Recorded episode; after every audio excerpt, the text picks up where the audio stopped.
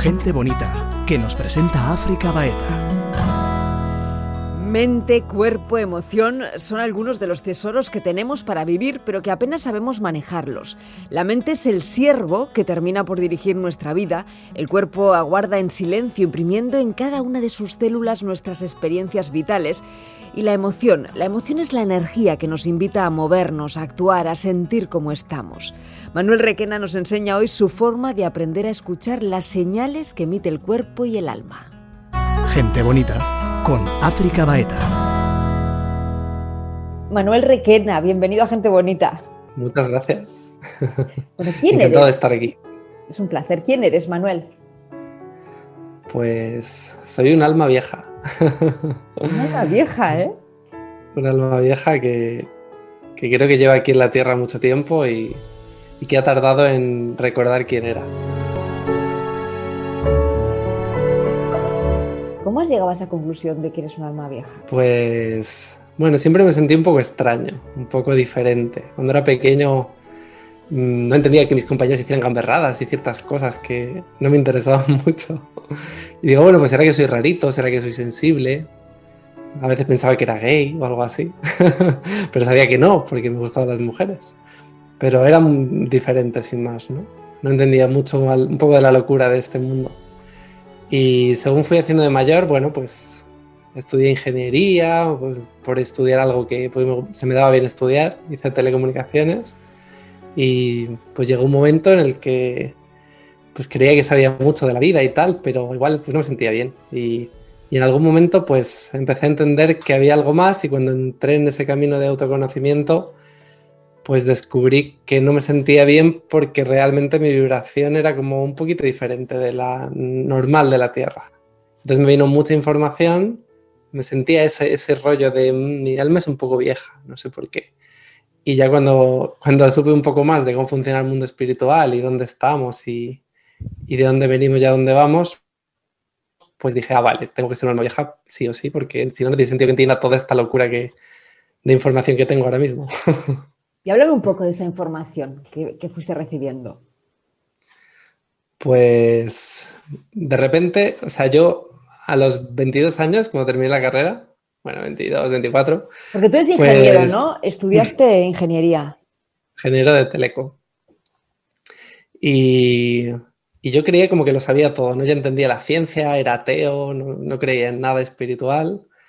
Y como que entendía el mundo, el mundo físico, la física, las teorías, lo abstracto, pero no fue hasta que me vino un dolor de espalda muy fuerte que, que, no me daba ninguna explicación física ni había manera de quitárselo, que se abrió un camino de, buscar respuestas y no sé, es como que fui encontrando una visión que me, que me fue explicando, ¿cómo decirlo? Pues que había algo dentro de mí que me hablaba, que yo empecé a llamar mi alma cuando empezó a tener sentido, y vi que mi mente no entendía nada. O sea, yo era una mente muy poderosa, yo sabía usar mi mente para entender muchas cosas, pero era como, no, hay algo dentro de mí que me dice que es por aquí y mi mente dice que cree que es por aquí. Y entonces hay algo que tiene razón porque cuando hago caso a lo que no es la mente, se me quitan los síntomas, la vida fluye más.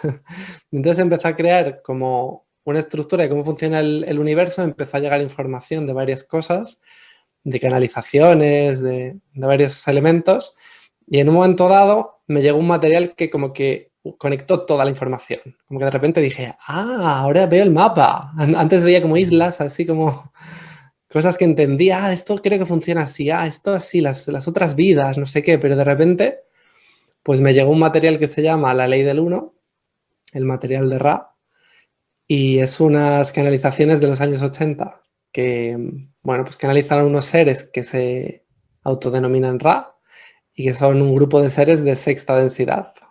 Y a través de un diálogo de preguntas y respuestas, pues van contestando muchas cosas sobre la evolución de las personas. Fueron tres norteamericanos los que hicieron el proceso.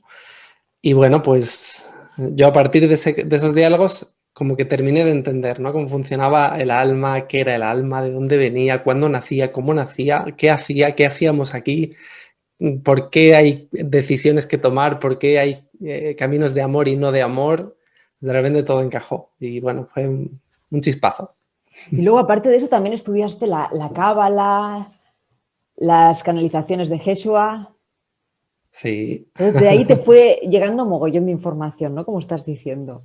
Es que además fue un año muy interesante. Fue en 2012, que justo era un año peculiar, pues yo tuve muchos procesos intensos. Tuve que dejar mi, emprendimiento de coach, que empecé como coach, eh, porque no conseguía generar mm, dinero.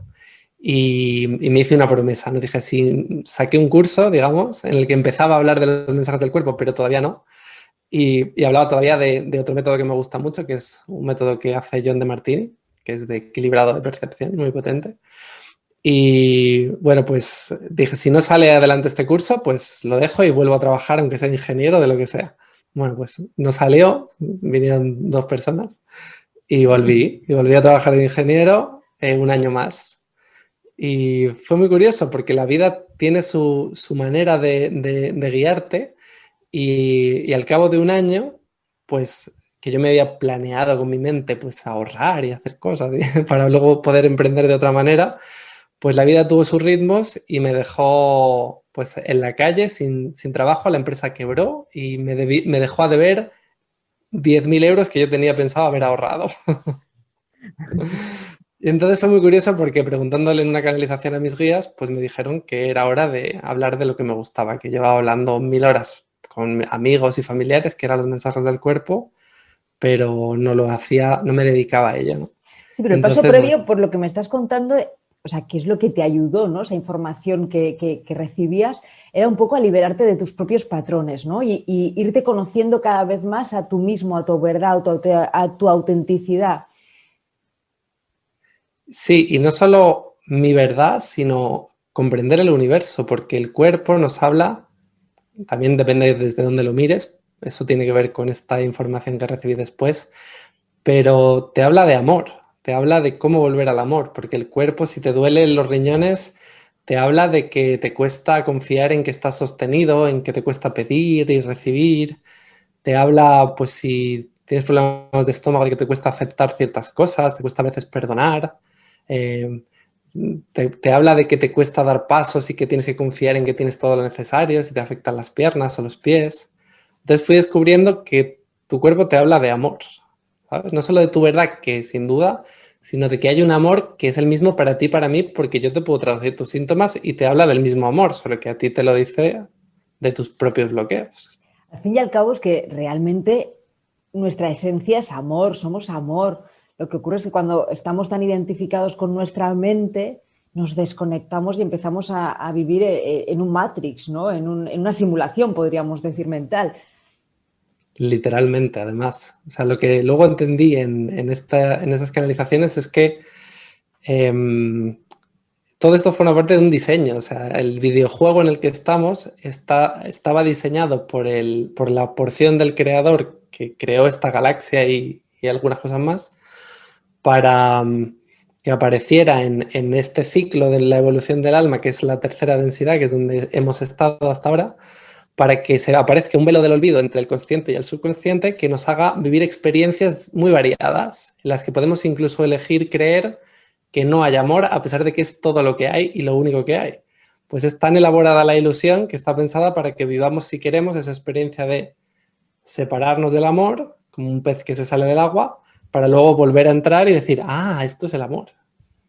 ¿Y qué sentido ¿no? tiene esa separación entre, entre el inconsciente y la mente, podríamos decir, ¿no? ¿Por qué? Porque al fin y al cabo yo siempre pienso que, la vida es un viaje como de retorno, ¿no? O sea, te vas separando, te vas separando de tu verdad y luego cuando llegas al vacío total vuelves otra vez a buscar esa, esa esencia, esa unidad, ese amor. La pregunta es ¿por qué? ¿Y qué sentido tiene? que Para mí el sentido es que eh, es la historia que yo cuento ¿no? cuando hablo de este tema para mí el creador es un ser que en un punto, no sé cómo describir ese punto, sí, porque no es una línea temporal exactamente, se hace consciente de su existencia y quiere conocerse. Pero cuando eres todo, no puedes conocer la totalidad. Como si tú estuvieras en el espacio, pues ¿quién soy yo? Pues no sé, soy todo. no hay luz, no hay oscuridad, no hay aquí, no hay allí, no hay tú, no hay yo, no hay nada. Solo hay yo, pues, pues se divide, ¿no? Entonces, el sentido es separar la conciencia para crear la posibilidad de que un yo mire a otro yo y, puedan experimentar cosas. Y cuando no había velo, también había experiencia. De hecho, en, los orígenes de la galaxia, es muy interesante, a mí me divierte mucho esta, esta especie de eh, prensa rosa espiritual de, de, mirar el pasado, ¿no? la historia del cosmos, en que en el origen de la galaxia no había velo del olvido y las almas todas veían amor unas en otras. El problema es que como no había ni mucho dolor, ni mucho, ni mucho deseo de ayudar a otros porque todos estaban bien, pues no se creaba el potencial verdadero para mover ese amor y, ejecutarlo. Como, bueno, si yo estoy bien y tú estás bien, pues bueno, pues amémonos.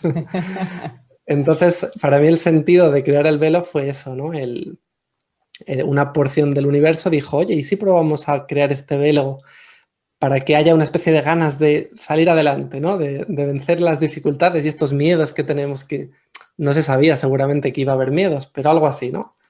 Y salió así, de hecho, después de los primeros experimentos del cosmos, se repitió en varios lugares de la galaxia. O sea, que debe ser que funciona el plan, aunque dentro de aquí no nos haga ni pizca de gracia y a veces nos parezca una locura, pero debe ser que el creador disfruta de cuando encuentra esas píldoras de amor que le dicen, ay, qué rico este amor que, se me había olvidado. Y así fue como fuiste desarrollando tu, técnica, ¿no? Acción transformadora desde el síntoma.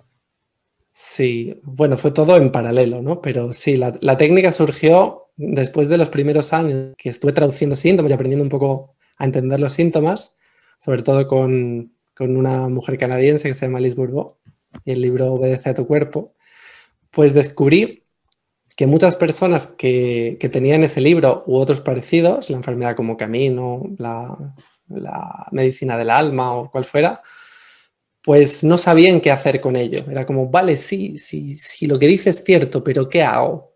Y yo no lo entendía, porque yo leyendo ese libro decía, pues tienes que hacer esto y esto y esto. Les hacía unas preguntas y decía, pues está claro, tienes que hacer esto. y entonces pues el método surgió de, esa necesidad externa de cómo hago esto. Y dije, pues a ver, ¿cómo lo hago yo? Pues yo cojo esta información, me hago estas preguntas, empiezo a conectarlas, hago esto y de repente salieron cinco pasos. Intenté reducirlo cuando le di forma al método y dije, venga, voy a hacerlo metodológico, así soy ingeniero, vamos a hacerlo a trozos. Pues quise hacerlo en tres pasos, pero no podía, no se podía reducir más. me salieron cinco pasos. Háblame, háblame de esos cinco pasos, ¿cuáles son? Pues mira, descubrí que lo primero que tienes que saber, que era lo primero que supe yo y de donde saqué muchas respuestas, fue el significado. Es, el primero es averiguar qué significa tu dolor o tu enfermedad o el síntoma físico que tienes en qué parte del cuerpo. O sea, un momento, estamos descifrando, digamos, los mensajes del alma. Entonces, los mensajes del cuerpo, que son mensajes del alma a través de síntomas. Vale, y el primer paso es ser consciente de ese síntoma, ¿no? De ese dolor que tienes en el cuerpo. Claro, esto viene, o sea, la técnica viene de que cualquier aprendizaje del alma que tiene que, vivir y que gestionar con amor, digamos, y no lo consigue hacer conscientemente, no se da cuenta, ah, sí, tengo que perdonar esto, sino que simplemente la vida le arrolla porque tenemos 20.000 situaciones cada día y no son conscientes, pues el cuerpo lo muestra físicamente en forma de una metáfora. Entonces tienes que averiguar lo primero cuál es el significado de esa parte del cuerpo o de ese síntoma concreto que ha aparecido para tener una idea de por dónde empezar a buscar. Si no, es imposible interpretar. Es como... Dije saber. Entonces, por ejemplo, pues si te duele el cuello, pues el cuello indica inflexibilidad para mirar aquello que te molesta. es como que hay algo ahí que te molesta y no, no, no quieres mirarlo. pues te dice que, que necesitas afrontar algo que te está afectando, que te está molestando y que no le estás prestando atención. Y tu verdadero deseo es mirar ese problema a la cara y no hacerte el loco dándote la vuelta y no mirando. O por ejemplo, pues la vista, pues hay unos muy obvios, pues si pierdo visión, pues es que no quiero ver algo que estoy viendo. Si es de lejos, pues no quiero ver mi futuro o el futuro de otros. Si es de cerca, no quiero ver el presente o lo que me rodea. Em, el sistema digestivo, pues es cómo procesamos con la mente ideas, es cómo digerimos alimentos. Entonces, si yo me vienen ideas nuevas y soy capaz de gestionarlas, mi sistema digestivo funciona bien. Si rechazo ideas, pues me dan ganas de vomitar. si no las digiero bien después de haberlas dejado entrar, pues el estómago. Si las dejo demasiado tiempo, pues estreñimiento. si las suelto demasiado rápido porque me asusto, pues diarrea. porque es, es, una especie de reflejo de los procesos mentales que estoy viviendo. Entonces, si aprendo a identificar cada síntoma, qué, qué simbología tiene, qué significado me transmite, pues ya puedo entender qué está pasando en mi mente, qué creencias, que ahora veremos, pues están por ahí. O sea, esto es muy, o sea, realmente estamos hablando como de biodescodificación, ¿no? O sea, las emociones... Me lo, llaman mucho, pero no hago biodescodificación. No, pero le veo mucho paralelismo. O sea, es muy similar, sí. Dime la diferencia, porque en cierta manera la biodescodificación es cuando tú no gestionas las emociones y esa energía, digamos, que se queda concentrada en un órgano del cuerpo y al final enferma. Vale, vale mi, enfoque no es muy diferente, pero eh, tiene matices importantes. Aparte que yo no la conozco en profundidad, entonces tampoco puedo hablar de, a lo mejor seguro me equivocaría al, describirla, pero creo que utiliza pues, varias ramas, puedes usar a veces interpretación del síntoma, puedes usar a veces eh, genealogía, de, otras ramas, ¿no? Y para mí, el síntoma no es que sea una emoción acumulada, que en parte sí, pero por otra razón. Para mí es una creencia que hemos acumulado y que nos aleja del amor. Entonces, la, base, el fundamento es que el amor tiene una forma, unas, unas leyes, unas reglas de funcionamiento y, el, y la mente humana en una sociedad va aprendiendo cosas que a veces son contrarias al amor y que luego tiene que desaprender. Y la forma que tiene el cuerpo de informarnos de qué creencia está mm, alejada del amor es una parte del cuerpo que muestra esa distorsión. Entonces no es tanto una emoción acumulada como una creencia distorsionada que luego generará una emoción, pero eso es otra cosa. Y luego se manifiesta físicamente. Realmente, realmente, por lo que me estás contando, ¿no? Es un camino, o sea, tu técnica es un camino para acabar con las creencias limitantes y para acabar con esa visión tan limitante que, que, nos enseña nuestra propia mente, ¿no? Todo lo enseñado, o sea, todo lo aprendido, eh, los patrones de, conducta de nuestras familias. O sea, es una manera de, de, ir desmontando todos esos personajes que hemos ido creando a lo largo de nuestra vida para recuperar la libertad y conectar con nuestro amor esencial. Exacto. Lo has descrito perfectamente. es exactamente eso. Y encima el cuerpo es muy presente. O sea, te duele algo hoy y hoy tienes esa creencia y hoy puedes trabajarte eso. No voy a, voy a trabajar lo que sea, sino te dice, trabájate ahora la responsabilidad por tu familia, que te duele la espalda. pues me trabajo eso. Vale, estábamos en el primer paso, que es descubrir los síntomas. Habías hablado de cinco. El significado, significado es el primer paso.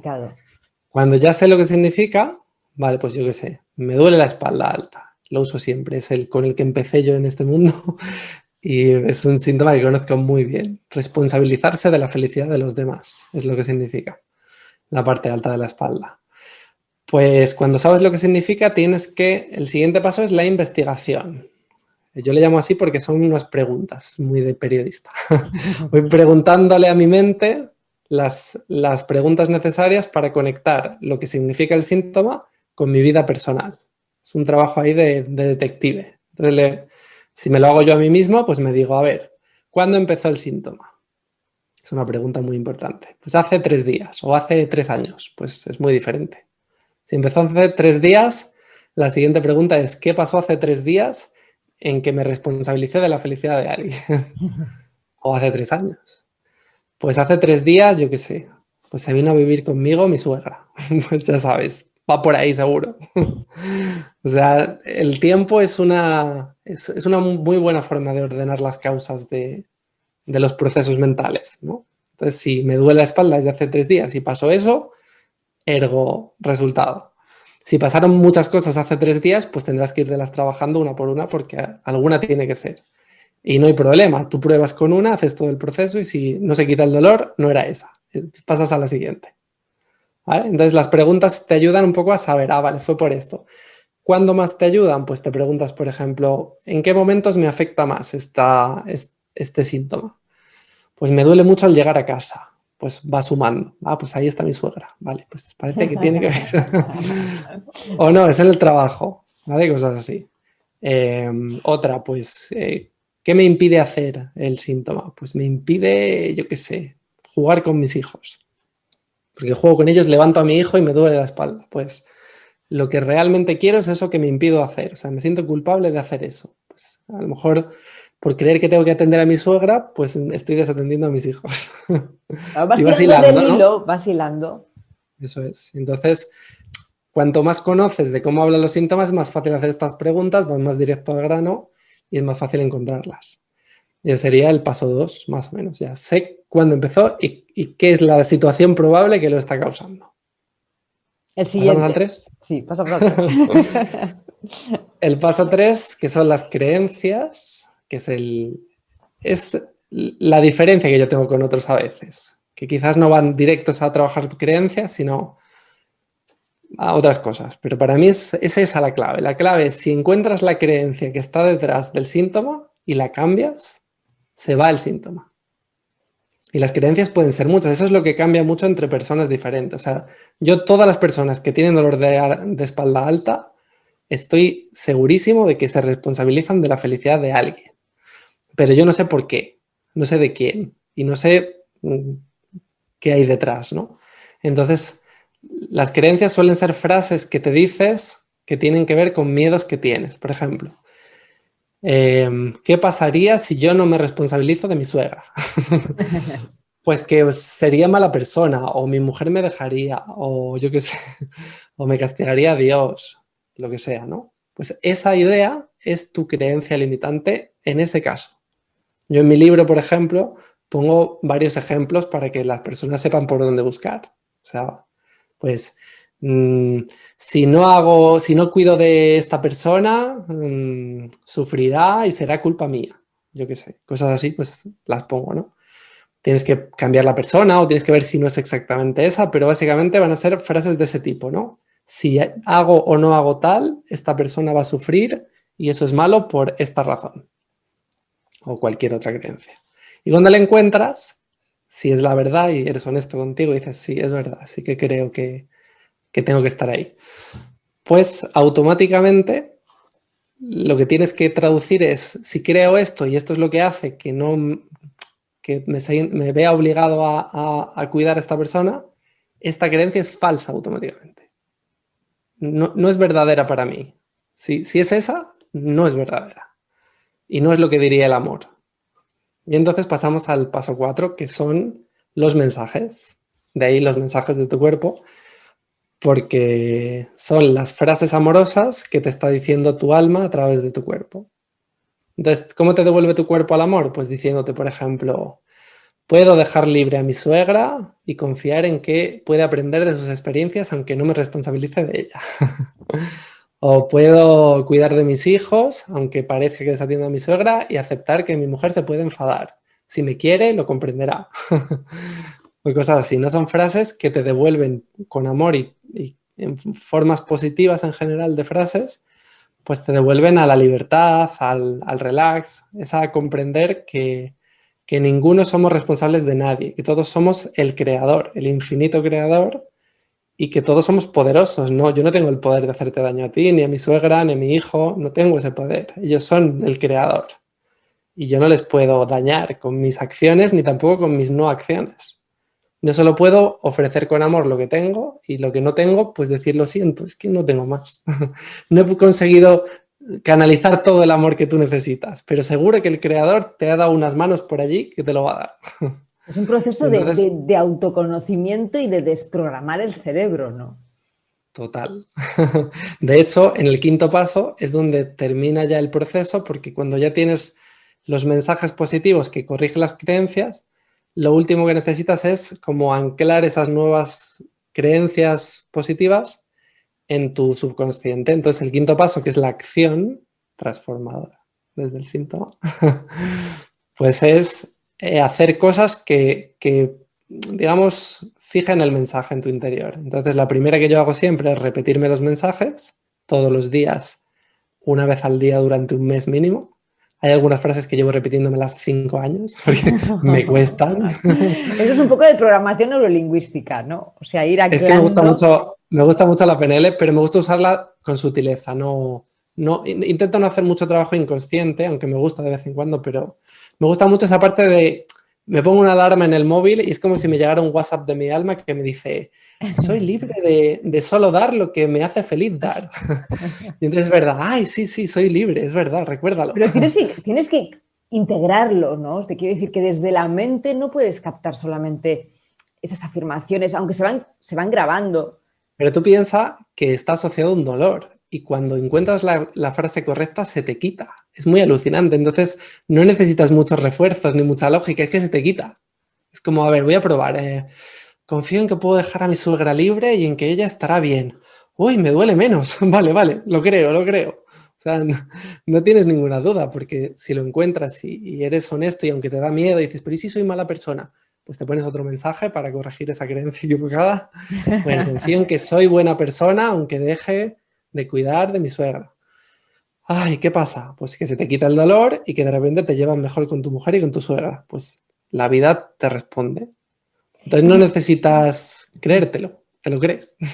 Esos son los mensajes de tu cuerpo, pero también hablas mucho del propósito del alma, ¿no? Ay, sí. ¿Cómo, ¿Cómo, descubrir el propósito del alma? Pues es una, es toda una aventura y un reto, la verdad porque es muy satisfactorio y a la vez también es un reto vivir el propósito, porque tienes que ser muy coherente con lo que haces, ¿no? Pero para mí el propósito, yo empecé conociéndolo aparte de con mi cuerpo, que me fue llevando a, entenderme mejor, como decías antes, pues fue cuando también conocí la cábala y, me, y la estudié y me enseñó, primero me la hicieron y luego me apeteció estudiarla y hacerla yo a otros, y descubrí pues que que quizás en algún lugar hay escrita cosas sobre nuestro plan, sobre qué veníamos a hacer, porque tanto en la cábala como en la astrología y en otros lugares he descubierto que está impresa esa información. Quizá no es una información que te condiciona o que siempre es así o que no vas a salir de ahí, sino al revés. Es como que tú te has dibujado un poco cómo iba a ser tu vida para no desviarte del camino, para estar un poquito enfocado en tus puntos fuertes, en tus puntos débiles y aprender lo que has venido a aprender o, amar lo que has venido a amar. Pero con la cábala pues entendí, por ejemplo, algunos de los bloqueos que yo tenía en la comunicación, en la autoestima, en disfrutar de la vida y de la alegría y dije, ah, vale, o sea, tiene un sentido. Me he puesto este bloqueo y me lo puedo y puedo entender el camino que lo causa y cómo deshacerlo, ¿no? Entonces descubrí que una parte de nuestro propósito es eso, averiguar qué nos bloquea y un poco a qué hemos venido a hacer y desde ahí pues vas volviendo al camino. Imagínate, para terminar ya, porque me parece, te haría tantas preguntas, me parece apasionante, Manuel, pero imagínate una persona que ahora mismo está absolutamente bloqueada en su vida y que no sabe realmente para dónde tirar. ¿Por dónde empieza? Porque hablas, claro, me hablas de, de los bloqueos de cada uno, pero o sea, todo lo que me has explicado hasta ahora requiere un trabajo personal de humildad, de honradez, de autoconocimiento, de escucharse. Mm. Pero una persona ahora mismo que está bloqueada, ¿por dónde empieza? Claro, yo por eso me gustan los síntomas, ¿no? Porque son cosas que puedes sentir. Es como están aquí ahora en el cuerpo. ah, pues si estoy bien de salud, pues entonces ahí ya no tienes que mirar. Pero sería raro que estuvieras muy bloqueado y no tuvieras ningún síntoma. Pero si no tienes ningún síntoma, pues miraría, miraría qué emociones siento, ¿no? ¿Qué, qué es lo que me da tristeza? Porque para mí la misión está muy relacionada con aquello que disfrutas, que te hace feliz y que ya estás haciendo, aunque sea, aunque no cobres por ello, pero que realmente te gusta, ¿no? Yo antes de, trabajar ayudando a otras personas en sesiones o escribiendo o de otra forma, yo me pasaba la vida hablando en los descansos del trabajo, en mis ratos libres con amigos, con compañeros, con familiares y haciéndoles preguntas sobre qué sentían y qué podían hacer. Entonces, yo ya estaba haciendo mi misión. Entonces, para mí, si no estás feliz y, te sientes bloqueado, pues tienes que mirar eh, a qué no estás prestando atención, por qué no estás haciendo lo que realmente te importa en la vida, por qué, qué miedos te lo impiden. Y ya si tienes síntomas, pues yo te invitaría a eso, a, buscar qué significan esos síntomas. Tienes mi libro, por ejemplo, donde lo explico paso a paso con toda la técnica para, bueno, pues empezar a tirar del hilo, ¿no? Y según vas viendo, porque quizá te duele un pie y no sabes ahora por qué, pero descubres que es porque tú tenías el sueño de hacer tu negocio de no sé qué y te da miedo porque tus padres te van a juzgar. Pues ya como te lo está diciendo el síntoma, pues ya te lanzas, ¿no? Y dices, pues voy a dar el paso y aunque me dé miedo, voy a ver si, mi cuerpo me dice esto. Y de repente se te quita el dolor y, vives una aventura, ¿no? Maravilloso. Entonces a veces... Porque el cuerpo, precisamente, tú lo has dicho antes, no es lo que te ancla más al presente, a la conciencia plena, es donde llega la información del momento al momento, ¿no? En vez de dejarnos llevar por los pensamientos y vivir en, simulaciones, es una y otra vez regresar al cuerpo. Sí, yo recomendaría también la presencia, ¿no? Que la persona que está muy bloqueada practique meditación, algún estilo de presencia, yoga o lo que sea, pero que esté presente en el cuerpo, en la naturaleza y que permita que la mente empiece a, a veces empieza a bajar, ¿no? Yo cuando me tiro un tiempo en silencio, a veces me vienen cosas del pasado. No es que pueda estar siempre en silencio, sino que abres el canal y empieza a bajar información, ¿no? Y es importante también aprender a discernir. En mi camino he aprendido que si aprendes a distinguir lo que es energía que viene desde el camino del amor, que es el camino positivo o del servicio a los demás, y, de, y la que viene del camino negativo, que es el camino del control, que son dos posibles caminos hacia la unidad, pues si aprendes a decirle a uno que no y a otro que sí, pues es más fácil no estar confuso ni bloqueado. Tienes que aprender qué es el amor, con qué voz te habla y cómo escucharlo. Y cuando dejas de escuchar a la voz del, miedo y de la catástrofe y del control y del uso del poder, pues es más fácil escuchar el camino. ¿Cómo, eh, ves con tanta claridad una voz y otra voz? ¿Cómo, ¿Cómo las distingues con tanta claridad? Pues tienen unas características. Esto lo enseño, por ejemplo, tengo uno de, uno de mis cursos, el de polaridades, habla justamente de esto, ¿no? De, de, la elección del alma, de cómo el alma ahora tiene que elegir un camino entre el camino de servir hacia afuera, de irradiar el amor del creador, o del camino negativo, que es el de absorber a los demás para quedártelo tú. Y lo creas o no, son dos caminos válidos hacia, hacia la unidad se suele, no se suele escuchar cuando se habla del ego y el ser. Parece que el ego está aquí abajo y el ser está aquí arriba. Pero es que hay dos caminos hacia arriba. Uno que es el positivo y otro que es el negativo. Entonces, el, negativo, el negativo sí o sí acaba en sufrimiento. No, termina en quinta densidad, hay siete, pues en quinta densidad hay todavía el camino negativo y positivo, y los seres negativos que llegan a sexta densidad, que es la de la unidad, donde tienes que equilibrar la compasión de cuarta y la, sabiduría de, quinta, en sexta tienes que equilibrar todo. Entonces mm, se dan cuenta de que no pueden seguir evolucionando sin abrir el corazón y de repente cambian su polaridad de golpe y se vuelven positivos y siguen evolucionando en sexta densidad. Entonces todos terminan en el amor, pero unos viajan por la separación, por la experiencia de separarte al máximo de todos y del creador y vivir el, el uso del poder, la, las jerarquías, la manipulación, etcétera, y el control, que es su herramienta. Y luego está el camino positivo que, ve unidad, ve igualdad, ve equilibrio, ve libertad y ve aceptación, que es su herramienta. Entonces, si entiendes esos dos caminos, es más fácil distinguir los mensajes de unos y de otros. Porque si un mensaje te, produce miedo, te hace sentir pequeño o, o, muy grande o por encima de los demás, o lo que sea, son mensajes que te llevan al camino negativo. Si te llevan a controlar, a separarte, a dudar de ti o de los demás, es siempre un mensaje negativo. Y si eh, los mensajes te dan paz, te hacen sentirte más libre, más seguro, más conectado, te hacen confiar en que estás protegido, en que todo va a salir bien, aunque no lo creas, son mensajes del amor. Pero yo no sé si veo tan separados ambos caminos. No, hay un punto en el que están muy cerca. Claro, es que eh, como seres humanos vivimos en esa dualidad, ¿no? En cierta manera.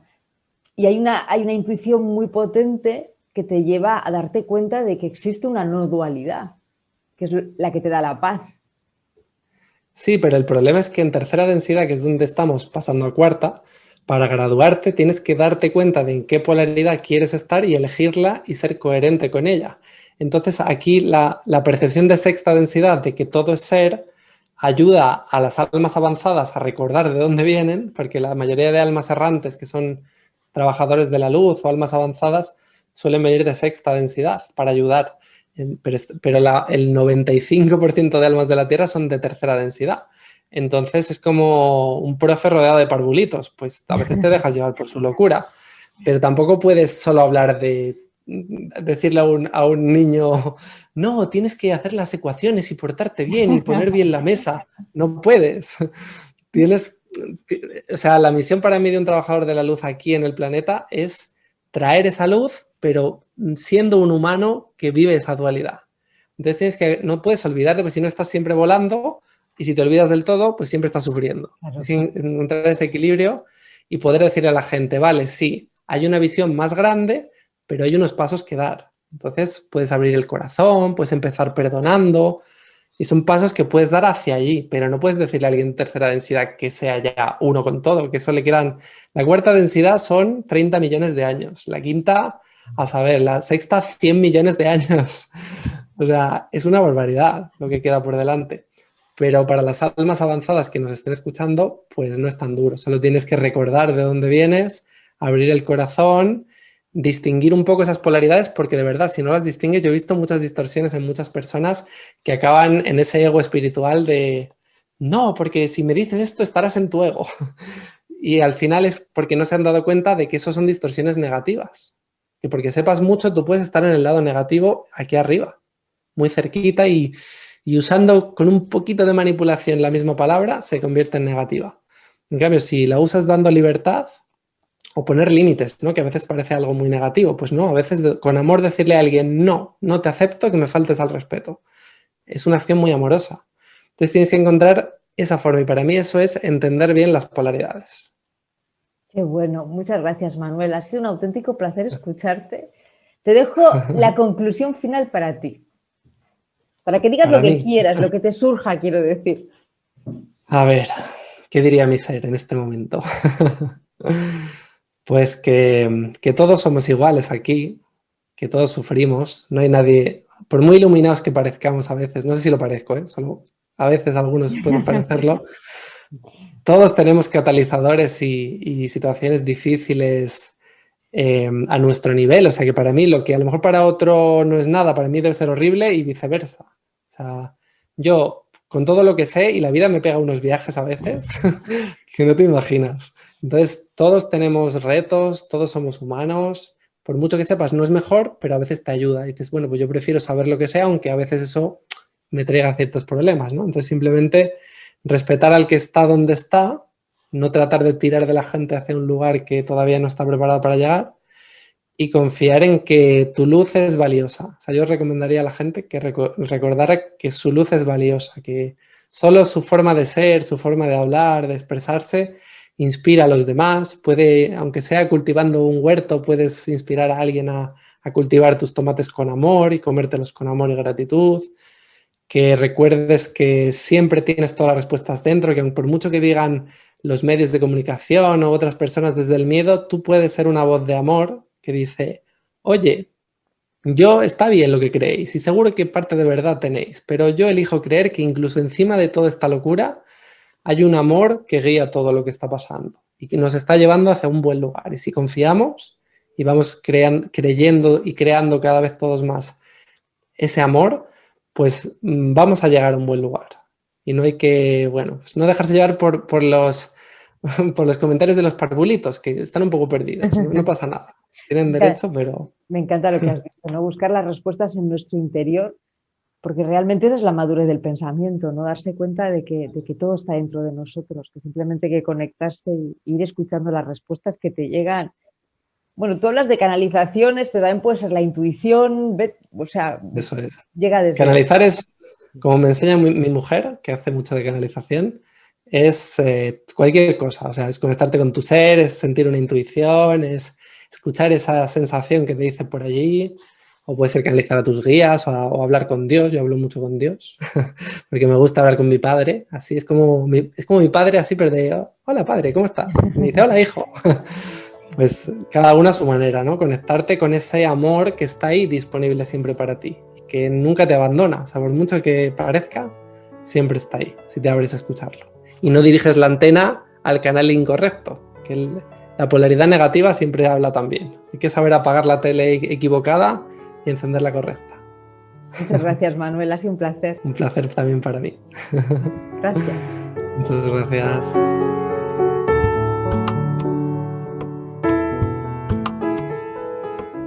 quedo con quien me cuida, me quedo con quien me valora, con quien me hace reír y ríe conmigo, da igual la hora.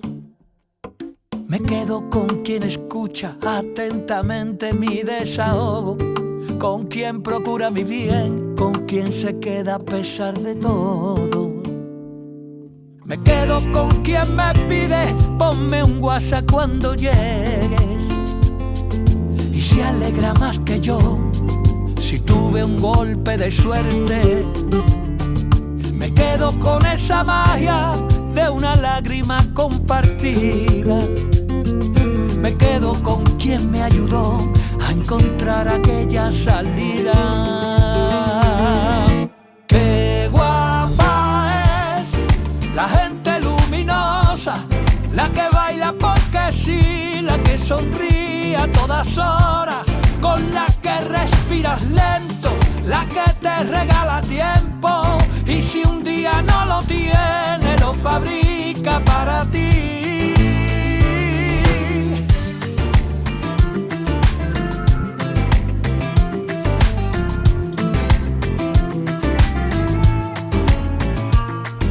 Me quedo con quien enciende bombillas en mi camino, saca lo bueno de mí y me hace sentirme vivo. Me quedo con quien me pide, ponme un WhatsApp cuando llegues. Y se alegra más que yo si tuve un golpe de suerte. Me quedo con esa magia de una lágrima compartida. Me quedo con quien me ayudó a encontrar aquella salida.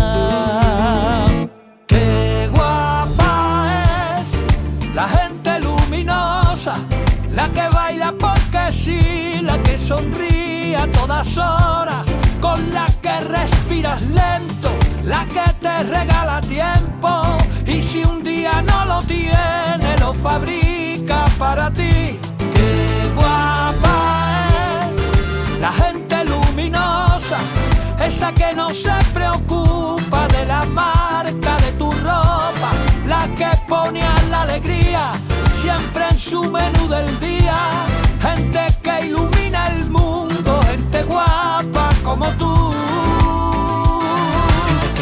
lo que siente aunque sea temblando, que le saca la lengua a la vida sin hacer daño y si sube la marea no va a soltar tu mano. Gente que ahuyenta las nubes negras porque tiene el poder de la luz. Qué guapa es la gente luminosa, la que baila porque sí, la que sonríe a todas horas, con la que respiras lento, la que te regala tiempo y si un día fabrica para ti. Qué guapa es la gente luminosa, esa que no se preocupa de la marca de tu ropa, la que pone a la alegría siempre en su menú del día, gente que ilumina el mundo, gente guapa como tú. Gente que tiene el poder de la luz. Gente bonita en ITV Podcast. Escúchanos y suscríbete.